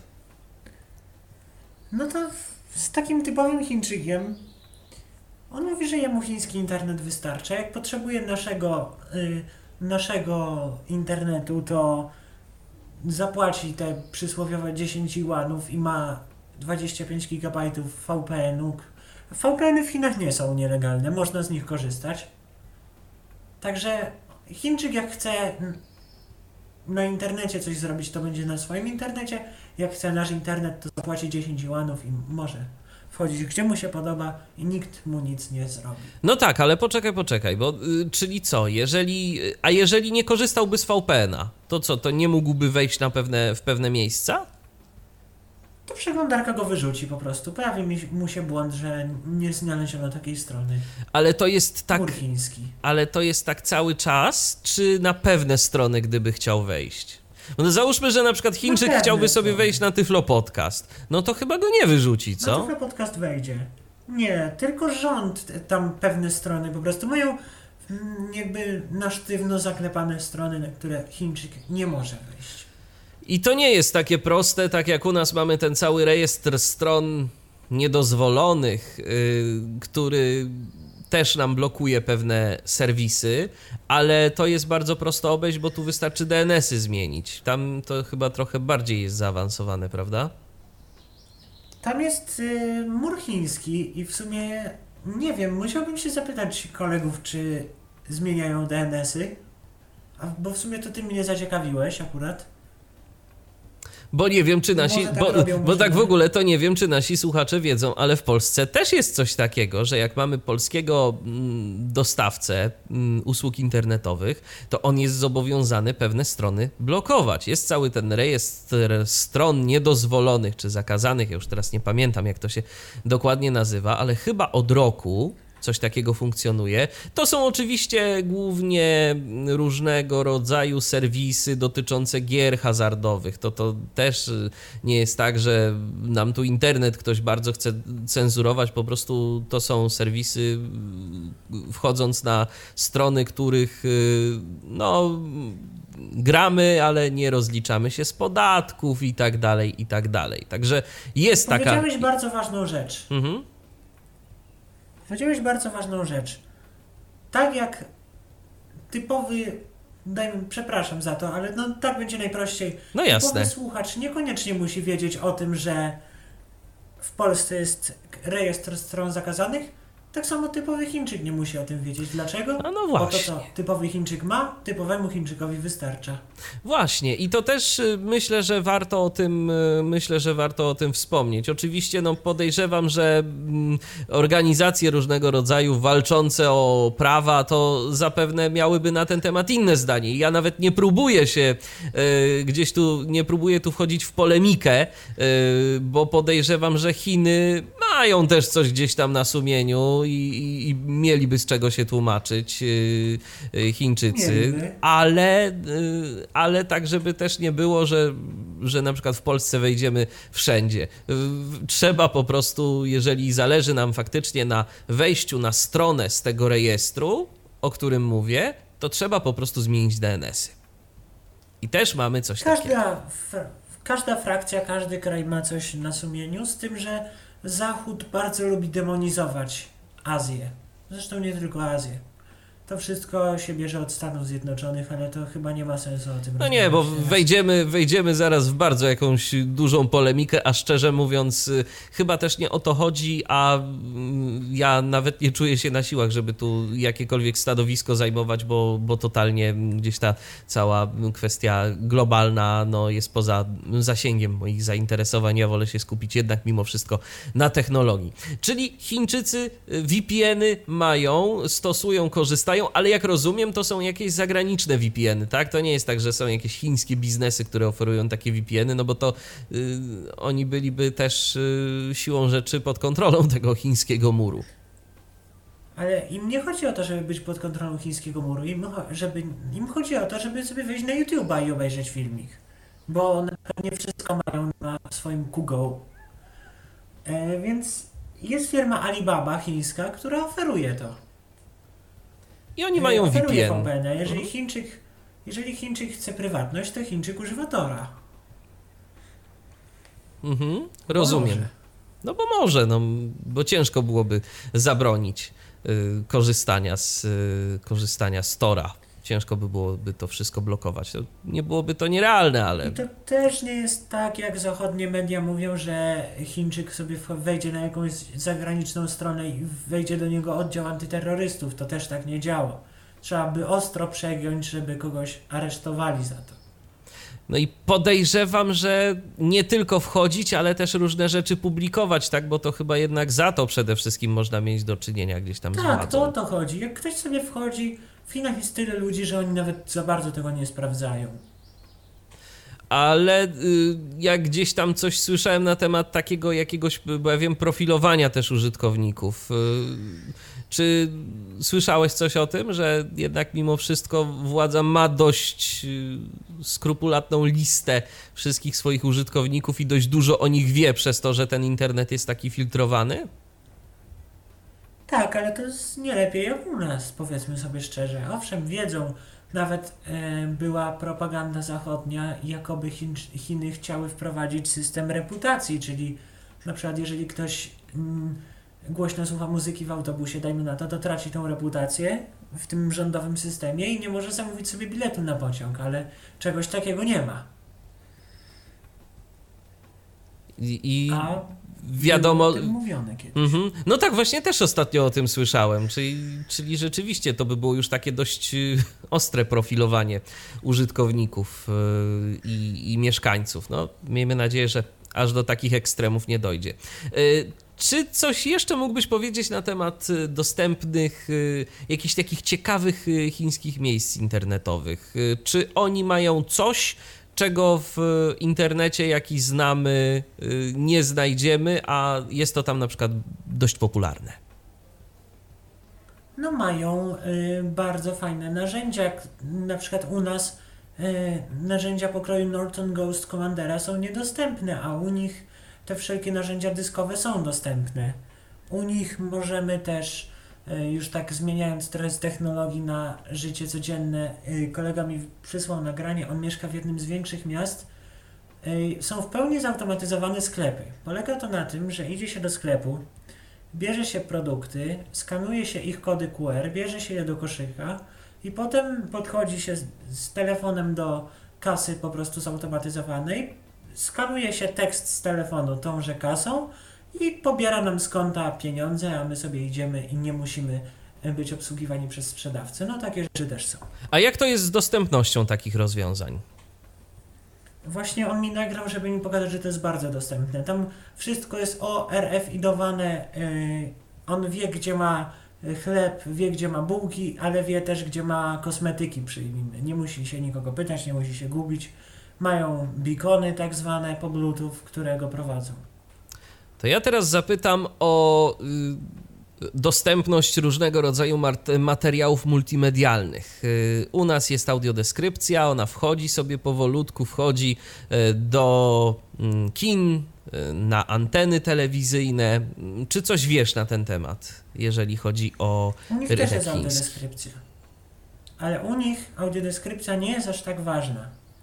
Dlatego, że w Chinach, czy chodzi o kod z obrazka, czy chodzi o obejrzenie komedii, e, są do tego odpowiednie grupy na kuku. Chce się obejrzeć z kimś film, wchodzą sobie ludzie na konferencję na YY, to jest coś jak chiński TikTok, i się umawiają na przykład, że ja chcę obejrzeć taki film, osoba niewidoma mówi, osoba widząca mówi, no i jak go będę oglądał, to mogę go obejrzeć z tobą i ci opisać, co się tam dzieje.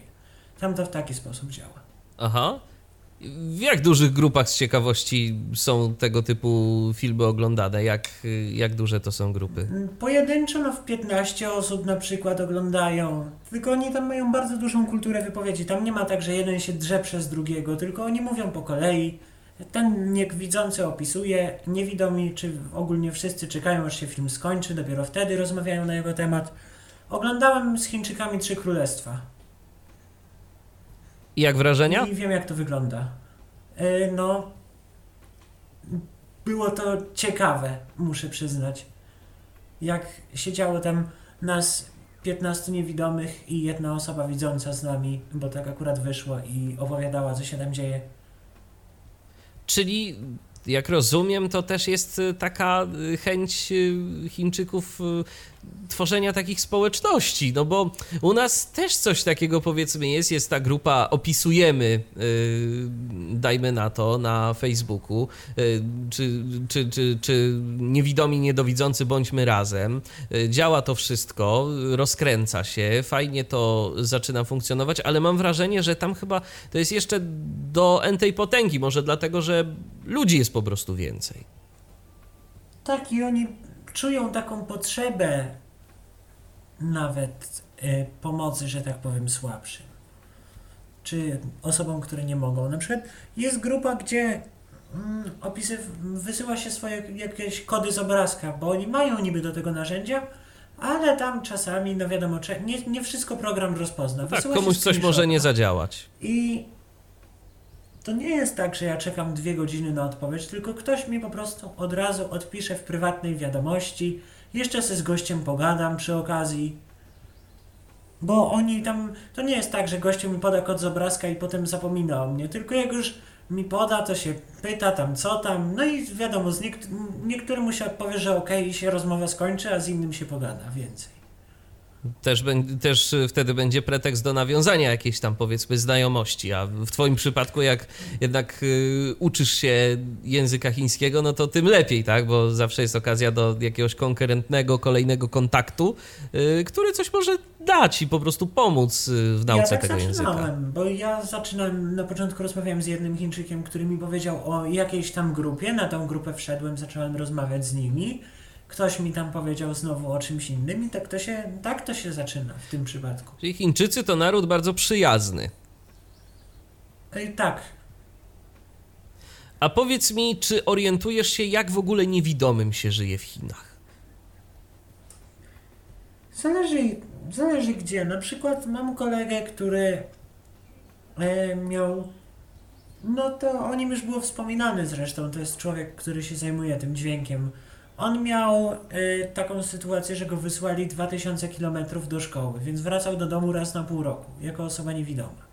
Mhm. Ale Kościół traktuje to bardziej jako błogosławieństwo niż jako karę, bo on mówi, że nim się tam bardzo dobrze zajęli i tak dalej, i tak dalej. I on od wieku 7 lat praktycznie był samodzielny i on dziękuję za to swoim rodzicom i państwu, że mógł tak, a nie musiał siedzieć w domu cały czas.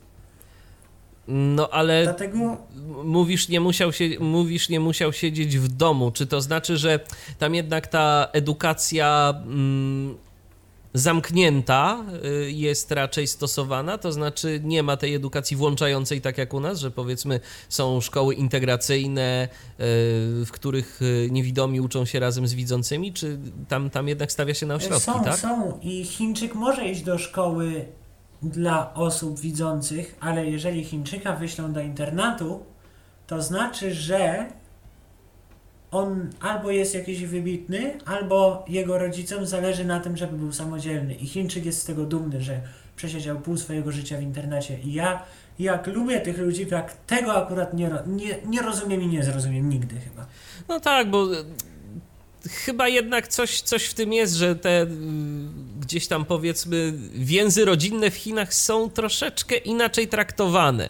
Mam takie wrażenie, że to nie jest tak jak e, u nas. Tak. Jednak mimo wszystko u nas stawia się na Dla tę ważniejsi są edukację chyba włączającą. przyjaciele jak rodzina. Mhm. No tak, no przyjaciół możesz sobie wybierać z rodziną, to już tak nie. Więc Tak trochę gorzej. No. tak, więc może coś w tym jest, jeżeli, patrzy, jeżeli patrzeć na to e, pod tym kątem. Czyli może być i tak, i tak. To nie jest e, żaden gdzieś tam powiedzmy problem z tą edukacją. A z materiałami edukacyjnymi jak jest? Mnóstwo tego mają. Oni mają, oni mają y, specjalne podręczniki elektroniczne, oni mają specjalne aplikacje do tych podręczników, oni mają dźwiękowe wykresy, oni tego mają mnóstwo. Czyli ktoś o to dba. Tak, jest chiński Instytut do Spraw Zarządzania y, Opieką nad Osobami Niepełnosprawnymi. Tak by to mniej więcej można było przetłumaczyć z chińskiej nazwy, której nie będę próbował wymówić nawet. No jasne. No dobrze. y, Czy o czymś jeszcze, Arku, warto by było powiedzieć, żeby naszym słuchaczom gdzieś te Chiny tak troszeczkę przynajmniej zaprezentować? Bo tak naprawdę to ja podejrzewam, że to jest audycja, w której moglibyśmy mówić dużo, opowiadać wiele, ale tak sobie myślę, że zdecydowanie jeszcze więcej będzie można powiedzieć, kiedy ty się tam wybierzesz i kiedy zobaczysz różne rzeczy na własne oczy i będziesz mógł E, pewne rzeczy tak. potwierdzić. Ja jedyne, co, co chciałbym powiedzieć, to Tak. Muszę to powiedzieć w kontekście Chin, bo, bo bez tego, gdybym tego nie powiedział, to ta audycja byłaby niekompletna. Mm, W przypadku tego, co mówią zachodnie media, nie słuchajcie tego, co oni mówią, dlatego że to są, jest w najlepszym wypadku półprawda. Jeżeli chcecie poznać Chińczyków, rozmawiajcie z Chińczykami, a nie słuchajcie mediów. I to jest mój apel do Was i w sumie mógłbym wiele mówić na temat Chin, Chińczyków, technologii i tak dalej, ale po prostu nie ma na to czasu, bo zacznę jeden temat, z tego się rozwinie drugi i tak można w nieskończoność mówić. Ale tak jak powiedziałem, To znaczy, wiesz, z tymi mediami to wydaje mi się, że oczywiście y, propaganda też jest z jednej strony różnego rodzaju, no bo to są różne interesy, tak? I, i tak dalej. Ale jest jeszcze inna rzecz. Y, Na przykład Bariera. my patrzymy na różne rzeczy z własnej perspektywy. Jeżeli coś się dzieje, to oceniamy to z perspektywy naszej kultury. A kultura chińska jest po prostu Tak. inna. Kultura chińska jest po prostu inna i bez zrozumienia tego, no nie jesteśmy też w pełni, tak myślę, ocenić pewnych rzeczy. No, wiadomo, że jeżeli są, jeżeli są pewne kwestie obiektywne, to, to można próbować, ale dużo jest też takich niuansów, y, które tak naprawdę bardzo łatwo zinterpretować na dowolną stronę. Jeżeli ktoś będzie chciał znaleźć coś złego i powiedzieć coś złego, będzie w stanie. Natomiast jeżeli będzie chciał coś pozytywnego, to oczywiście również y, będzie w stanie coś pozytywnego powiedzieć. No i telefon mamy pierwszy, a już mieliśmy praktycznie rzecz biorąc skończyć, ale dobrze, że y, telefon nam się pojawił, bo być może jeszcze jakiś ciekawy temat uda się poruszyć. Halo, kogo witamy? Dobry wieczór, Magdalena z tej strony. Dobry To wieczór, znaczy Magdalena. tak, dobry wieczór. Zakończyliśmy na edukacji, bardzo ciekawie zresztą, ale wydaje mi się, że warto było po- powiedzieć, co dalej mm, z absolwentami szkół, uczelni, jak wygląda, jak wygląda rynek pracy, szczególnie dedy- dedykowany osobom niewidomym i czym on się różni e, od naszej, od naszej sytuacji. To ja bym jeszcze dołożył do tego kwestię związaną ze studiami, no bo szkoła to jest jedno, ale potem jeszcze jakieś wykształcenie wyższe, tak? I, i co potem? Dokładnie tak. chiński rynek pracy różni się od naszego rynku pracy tym, Magda się że już rozłącza. osoby... Aha. że osobę niewidomą szanujemy na rynku pracy, niekoniecznie tak jak u nas. E, Chiński rynek pracy też różni się tym, że jest mniejsza różnorodność. Z Chińczyków robi się albo masażyst, znaczy z niewidomych robi się albo tłumaczy, ewentualnie japoński, chiński, chiński, koreański, takie rzeczy, albo sound designerów, albo programistów, albo masażystów, albo ewentualnie jeszcze osoba niewidoma może zajmować się nauczaniem, co też jest bardzo w Chinach popularne. Generalnie o kształcenie osób niewidomych w Chinach dba się bardzo, ogólnie nie tylko niewidomych, osób niepełnosprawnych. Dlatego, że jest potrzebny ktoś do przysłowiowego kopania rowów i takich ludzi oni mają. Ale jeżeli ktoś jest sprawny umysłowo, a jest niepełnosprawny i nie może kopać rowów, to Chińczycy nie pozwolą na to, żeby siedział w domu na socjalu, tylko oni z takich ludzi robią przysłowiową inteligencję. Tak to tam wygląda. Okej, a jak y, wygląda kwestia y, tych y, studiów wyższych, tak? Bo mamy, wiadomo, jakąś szkołę. No a co potem? Jak z dostępnością tej wyższej edukacji? Dostępnie jest, uczelnie są dostępne. Wykładowcy podobno się dostosowują dość do osób niewidomych, tak jak ja słyszałem od kolegów. Najpopularniejszą uczelnią jest słynna uczelnia w Wuhan, która ostatnio wpadła na genialny pomysł, jak można użyć echolokacji y, i sztucznej inteligencji do e, m, pomocy osobom niewidomym w nawigacji. Nie wiem, czy to się rozwinie poza prototyp, ale miejmy nadzieję. Kibicuję im z całego serca. No i cóż więcej. Skoro już mowa o kwestii socjalu, mm, o której to wspomniałeś, to nie mogę nie zapytać, a jak jest z opieką państwa nad y, osobami niepełnosprawnymi?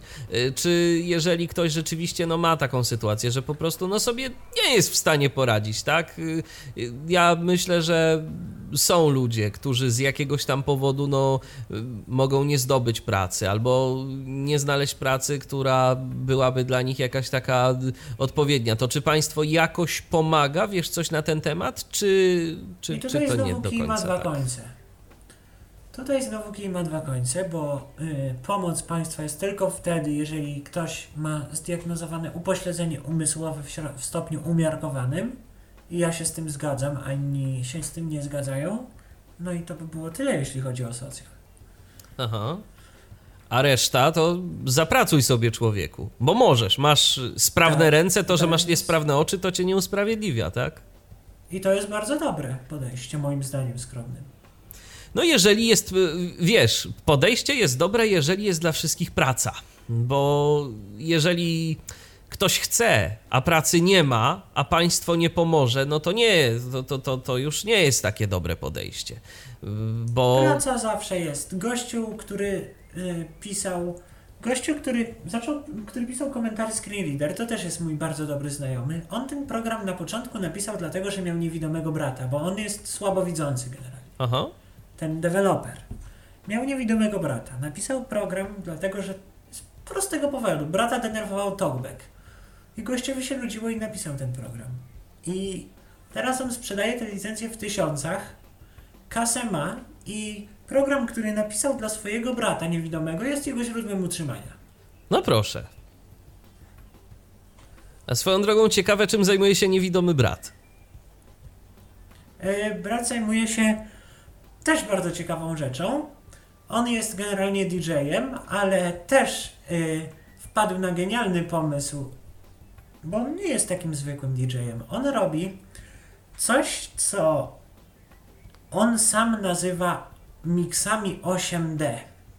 Co to jest? I to jest y, miksowanie muzyki przy pomocy technologii binauralnych, bo on jest generalnie tam y, skończył, bo ten brat jego niewidomy jest starszy od niego.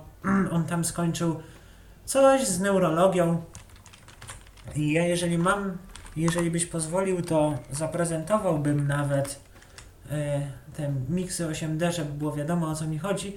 To jest odpowiednie kierowanie muzyką tak, aby brzmiała w taki sposób, jakobyśmy byli w centrum tego wszystkiego. No jeżeli, ja nie wiem, czy tu mamy możliwość, bo zdaje się, że ten kanał jest monofoniczny, Znaczy, aha, wiesz? ten kanał jest mono. Tak, Dobra, ten, ka- ten Okej, kanał jest mono, ale... Ale ewentualnie wiesz co, y, w komentarzu, gdybyś mógł później zamieścić jakiś link do takiej próbki, żeby słuchacze mogli sobie zamieszczę. rzucić uchem. Zamieszczę w sumie. No bo to jest w ogóle ciekawe, miksy 8D, tak, tak, tak swoją drogą. No, inna rzecz, że muzyka chińska to jest zupełnie inna muzyka, tak, do której, niż ta, do której jesteśmy przyzwyczajeni, ale ładne są te piosenki, przynajmniej niektóre. Tak, owszem. No dobrze. To w takim razie myślę, że mówić moglibyśmy naprawdę dużo jeszcze na temat y, Chin i na temat y, sytuacji też osób niewidomych, na temat tego, co niewidomi mogą robić mm, tam i co robią. Mieliśmy tego dowód. Gdyby nie ten telefon, to byśmy skończyli 15 minut wcześniej. Dokładnie, dokładnie. No, nasi słuchacze jakoś oprócz y, Magdy nie dzwonią, bo być może po prostu dla nich wyczerpaliśmy temat, może nie wiedzą o co dokładnie zapytać, no ale myślę, że do tematu Chin jeszcze wrócimy, bo to jest taka egzotyka, no dla mnie przynajmniej, to jest taka egzotyka, ale egzotyka, którą fajnie jest poznawać, którą y, fajnie gdzieś tam powiedzmy mieć świadomość, że jest coś innego, że jest coś y, poza tym, co znamy, bo y, to może nam też otworzyć y, oczy gdzieś tam szerzej i pozwolić na zrozumienie pewnych y, kwestii i tak naprawdę mm, pojęcie, że można, można więcej, można inaczej, tak? To, to też myślę, że jest Tak, ważne. To jest bardzo ciekawy kraj, bardzo ciekawa kultura, tylko to jest tak, ludzie się tego boją, bo ludzi nie ma kto w to wprowadzić. To się zgadza. To się Mi zgadza. też nie było łatwo. Mhm. A no media różne rzeczy na temat Chin mówią, tak jak już wspomnieliśmy, to, to też A Chiny nie nie mają się za bardzo jak bronić, bo są po prostu za daleko. I też chyba im nie zależy na tym, wiesz co, mam takie wrażenie. Bo To jest na tyle Tak, duża, tak, to jest na tyle duża społeczność, że tam skoro sobie y, media zagraniczne, czy amerykańskie, czy europejskie różne rzeczy mówią, no niech sobie gadają, no tak, no oni są tam, my jesteśmy tu.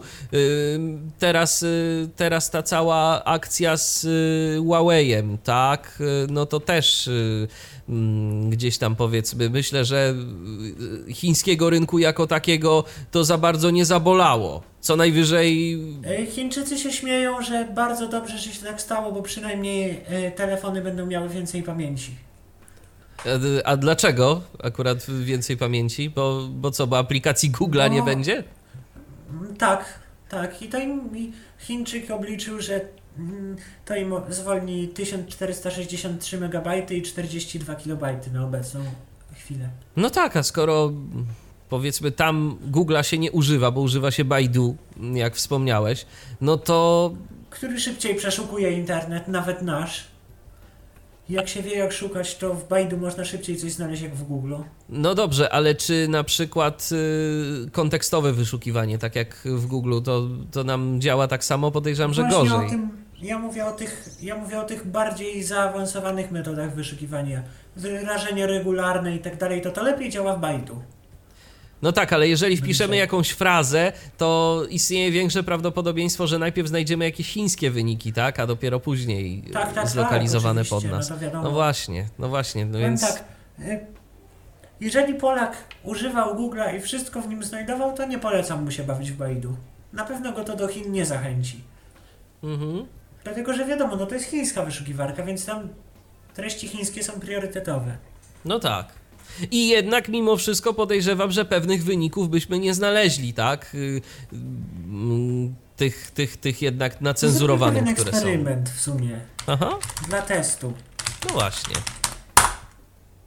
Wpiszę sobie e, e, Chinese censorship, wpiszę sobie na przykład w, W Baidu. w Baidu.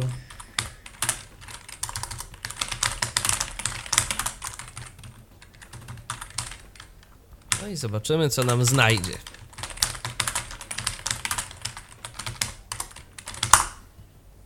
Wpisałem Chinese Internet Propaganda Aha. i mamy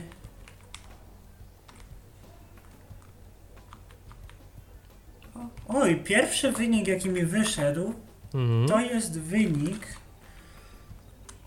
e, China outlines to use internet for, for global propaganda. Czyli coś jest jednak. Czyli nie, tak, czyli nie tak znowu do końca wszystko wycinają. No nie. O, Mhm. Chinese propaganda as policy. To, o, nawet jakiś wynik z YouTube'a jest. No tak, tylko po prostu w, w Chinach najzwyczajniej w świecie do pewnych tych wyników nie mielibyśmy dostępu, tak? Bo YouTube w Chinach, jak rozumiem, tak bez VPN-a nie działa. No nie, pokaże się Chińczykowi wynik w Baidu z YouTube'a, ale nie będzie mógł go otworzyć. Rozumiem. No dobrze, Arku, to w takim razie mm, jakąś taką małą namiastkę y, chińską dostarczyłeś nam w tej audycji. Ja Ci bardzo serdecznie dziękuję za wzięcie w niej udziału i myślę, że do tematu Ja jeszcze kiedyś dziękuję. wrócimy, bo temat jest interesujący i wart tego, żeby opowiadać y, nieco więcej. A jak będziesz y, miał już jakieś programy zlokalizowane na język polski z chińskiego rynku, to myślę, że też warto mimo wszystko, żeby je pokazać, żeby je zaprezentować. Owszem. A zatem, No co, w takim wypadku mogę powiedzieć wszystkim Sai-chin. a co to znaczy? Sai-chin? Do widzenia. Okej, no to Sai-chin w takim razie, do usłyszenia. Do widzenia, do usłyszenia? Tak samo, bo... Tak, no, i tak, to jest synonim. Mhm, jasne. No to ja również mówię Sai-chin. Mam nadzieję, że wymówiłem to dobrze. Że nie powiedziałem właśnie No czego. tak. Że nie powiedziałem czegoś, czego bym nie chciał powiedzieć, no bo to wiadomo, że. z- W języku chińskim nie ma przekleństw, więc o to nie ma się co bać. Aha, no to kulturalny język, trzeba przyznać. A zatem do usłyszenia. Ja również dziękuję za uwagę. Michał Dziwisz, kłaniam się. Do następnego spotkania na antenie Tyfloradia. Był to Tyflo Podcast. Pierwszy polski podcast dla niewidomych i słabowidzących. Program współfinansowany ze środków Państwowego Funduszu Rehabilitacji Osób Niepełnosprawnych.